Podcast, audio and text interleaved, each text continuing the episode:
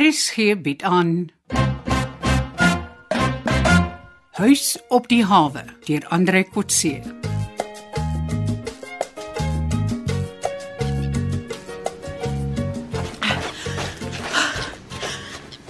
Sjoe.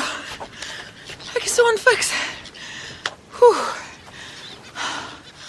Oh, nou wie kom hier aan gehardloop?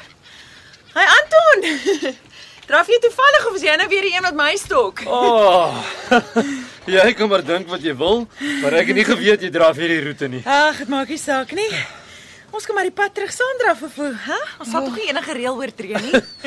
Dis in 'n geval nie so beplan nie. Ja. En 'n mens moet oefening kry en iemand het gesê ons moet in twee verskillende rigtings draf.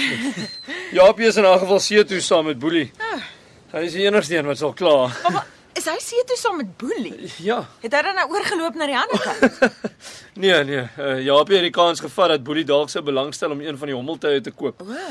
En uh Boelie vra toe vir 'n demonstrasie. Ja, hulle is vanmiddag see toe. Net die twee van hulle. Dis goed so. Dalk bring dit die konflikpotensiaal af. Ja. Het sal dan moeilik wees om vir Japie te verduidelik hoekom ons saam draf. Net 'n paar dae nadat ons ooreengekom het om dit nie meer te doen nie.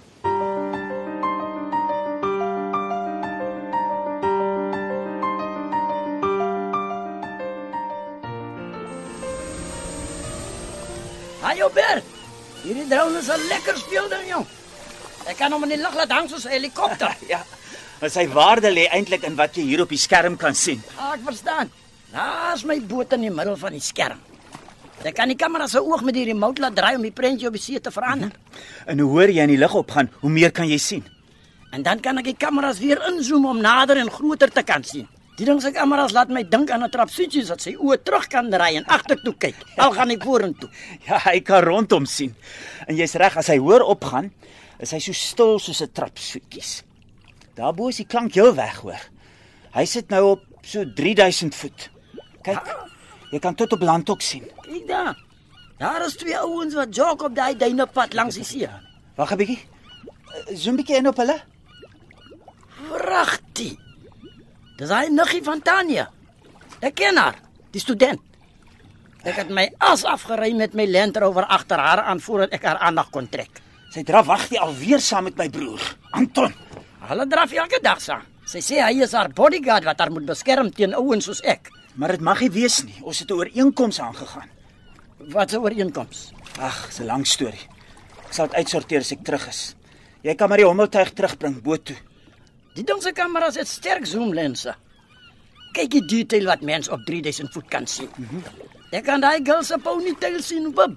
En 'n mens kan die tuig lankal nie meer sien of hoor nie. Geen wonder hulle noem die goed spyway nie. Jy sal nooit raai jy word uit die lug uit bekyk nie. 'n Hommeltuig is net baie kwesbaar, veral as hy stil hang. Die Amerikaners het ontwikkel, maar hulle is nou ook besig om 'n wapen daarteen te kry.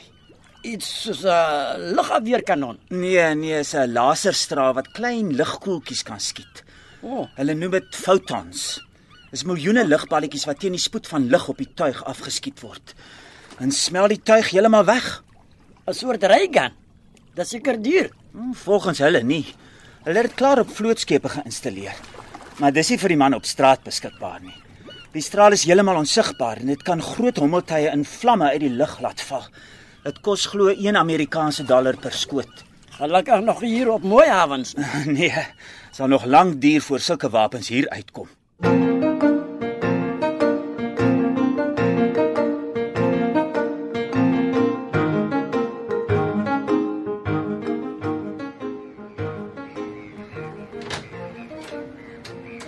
Anton, is jy hier? Yes, ja. En wat sê Boelie? Stel hulle belang om 'n hommeltuig te koop? Ja. Hy is soos 'n seentjie oor 'n speelding hoor. Wat het jy vanmiddag gedoen? Ag, eh, ek het maar hier by die woonstel rondgekarring. O. Wanneer laas jy Verina gesien? Uh, lanklaas. Dis 5uur vanmiddag lanklaas. Jy het jou haar nou ergens gesien. Nie nou nie, 5uur vanmiddag. Maar jy's aan 4 uur eers weg saam met Boelie. Jy kan maar ophou lieg, broer. Ek en Boelie het julle met die hommeltuig gesien terwyl julle draf op die Ja, vuurtoren. ja, wag gou. Ja, op- ons het elkeen op ons eie gedraf en mekaar met die terugkom uh, raak geloop en, en toe saam huis toe gedraf. Oh, mekaar toevallig raak geloop. Ja. Toe maar Anton, jy's klaar uitgevang.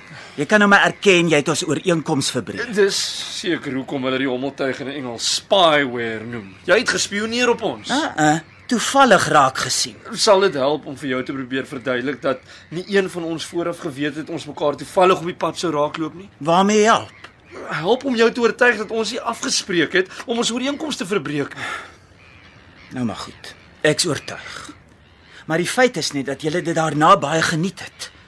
As 'n mens in die water val, klim jy gewoonlik so gou moontlik uit, behalwe as jy graag wil swem.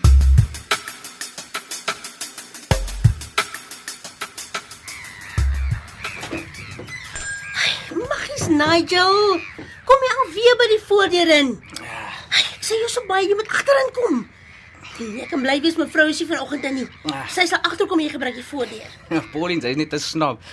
Sy's net skaam die mense gaan sê sy het 'n gardener vir 'n love en hè. Sê my ek is verkeerd. Sê my maar eintlik ja, ook 'n groet met jou theme song. Ah, Welkom skipper Nigel by die gastehuis met die mooiste uitsig op die hawe. Ah, jy sal jou wat verbeel. maar sê my eers, wat gebeur met die jaloesie van die broers Anton en Japie oor Rina? Dit is privileged information, baie private. Toe maar Nigel, vertel my. Hoe kom die jaloesie tussen die broers toe uit? Ek moes dit ook myself uitfigure. Kyk, Rina het sonder Tanya se pre-knowledge en ten Anton se advice 'n date met Boelie gemaak. Nou, Hoekom boelie? Aan Bolita gestok en dopgehou en gevolg in sy Land Rover. Ja. Renard vir Anton gevra om haar te beskerm teen Boelie se intentions. Maar Anton moes toe saam met haar draf en haar shadow vir counter information. 'n Soort bodyguard. Ja, met groot moeite. En toe maak Boelie sommer 'n approach op haarself en hy vra haar uit vir 'n date en sy aanvaar dit sonder om vir Anton te sê en toe blaas Anton sy military top. Ek kan dit nogal verstaan. Ja, mens maak mos nie 'n date met die ou wat jou stokkie. Exactly. Wag, wag, wag, ek moet gaan. Ek sien jou vertee dit in die tuin. Das mag ons vertee. Jy moet my in die prentjie hou van al die drama.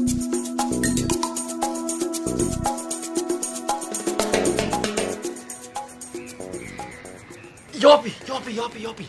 Ek het nuwe nuus oor Boelie se nagtelike aktiwiteite. Wat nou? Ja, Nigel het uitgevind dat Boelie met sy groot boot saans van ons hawe af vertrek en eers na middernag terugkom. Waarmee kom hulle terug? Dit is weer vreemd, soos altyd, met niks. Geen vrag, geen vis, geen perlemoen. Klink asof die grootboot net 'n vervoerjoppie doen. Ja, vrag van punt A na punt B. En ons moet uitvind waar is daardie twee punte. En ook wat die vrag is. Natuurlik. Maar uh hoe gaan ons hulle in die nag kan volg? Oh, as jy gedink het die hommeltuig sal iets kan doen, dan moet ek jou teleurstel, Anton. Ag, hoekom? Dis die kameras wat die werk moet doen. En in die nag kan die kameras niks help nie. Maar wat van nagsig toerusting? Ek weet nie of dit sal pas op die hommeltuig se kameras nie. In die vloot het ons nagsiglense op gewone kameras en versiere gemonteer en ons kon skepe in die nag sien. Wel, Nou, as jy sulke lense kan kry, sal ek kyk of dit op die tuig se kamera sal pas. Ek sal die lensgroottes eers kry en jy kan kyk of dit sal pas. As dit goed lyk, sal ek dit in die Kaap gaan leen of sommer koop. Nou maar reg, kom ons probeer dit.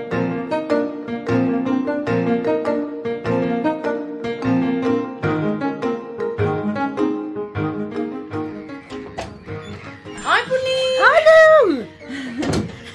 Hoorie, weet jy iets van dat Boelie weer vir Connie gedate het? Nie regtig gedate nie. Maar ja, hulle hulle sou op die hawe meer ontmoet. Ach. Maar toe ek vir Connie daar vra, uh -huh. wou sy nie met my bespreek nie. Sy reken haar privaatheid word nie gerespekteer nie. Wel, ek het baie goeie rede om vir haar 'n bietjie raad te gee. Ek wonder of sy nou woonstel Mag ek is. kan nou gaan skakel? Jy kan nie oproep in die sitkamer neem. Daar's mos 'n telefoon vir ons gas. Ag, dit sal gaaf wees. Dankie Pauline. Hallo Connie. Hallo Rina, ek hoor jy wil met my praat. Eh, Ja, ek kan na jou woonstel toe kom of is welkom as jy hier in die sitkamer wil kom gesels. Is dit persoonlik? Uh ja, nogal. Wel in daardie geval moet jy liewer hier by my kom gesels. Ek is nog in my sweetpak en ek wil nie nou aantrek en grimeer nie. Ag, natuurlik. Skus, eh, Ah, ek verstaan. Ek's nou daar.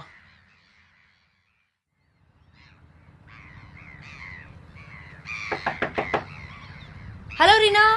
Kom maar in. Hi, Jy sien hoe ek lyk. Verskoon tog. Rien, asseblief. Jy lyk soos altyd netjies en professioneel.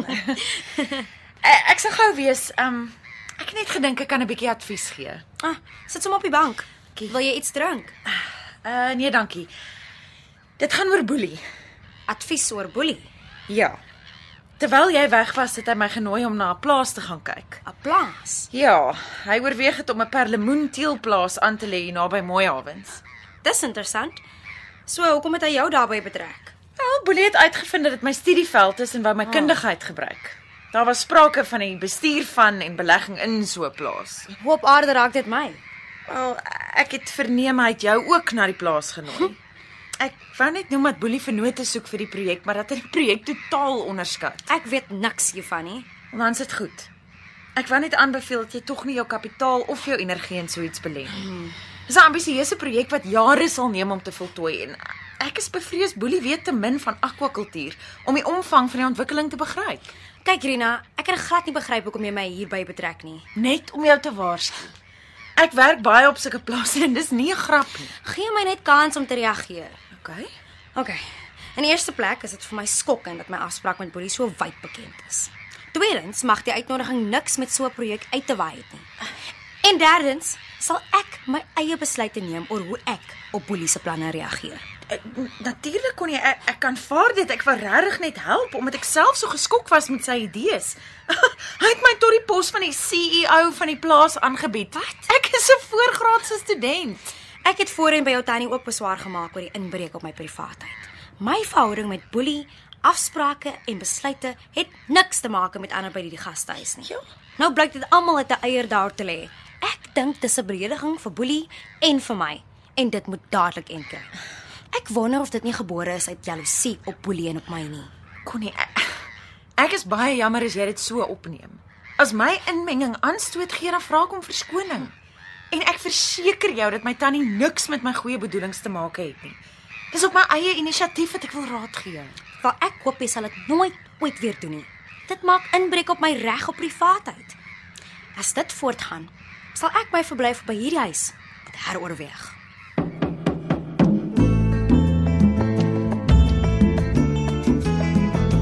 Uitgeluister na Huis op die hawe deur Andre Kotse. Die spelleiding is behartig deur Ronel Geldenhuys en die tegniese en akoestiese versorging is gedoen deur Cassie Lauers.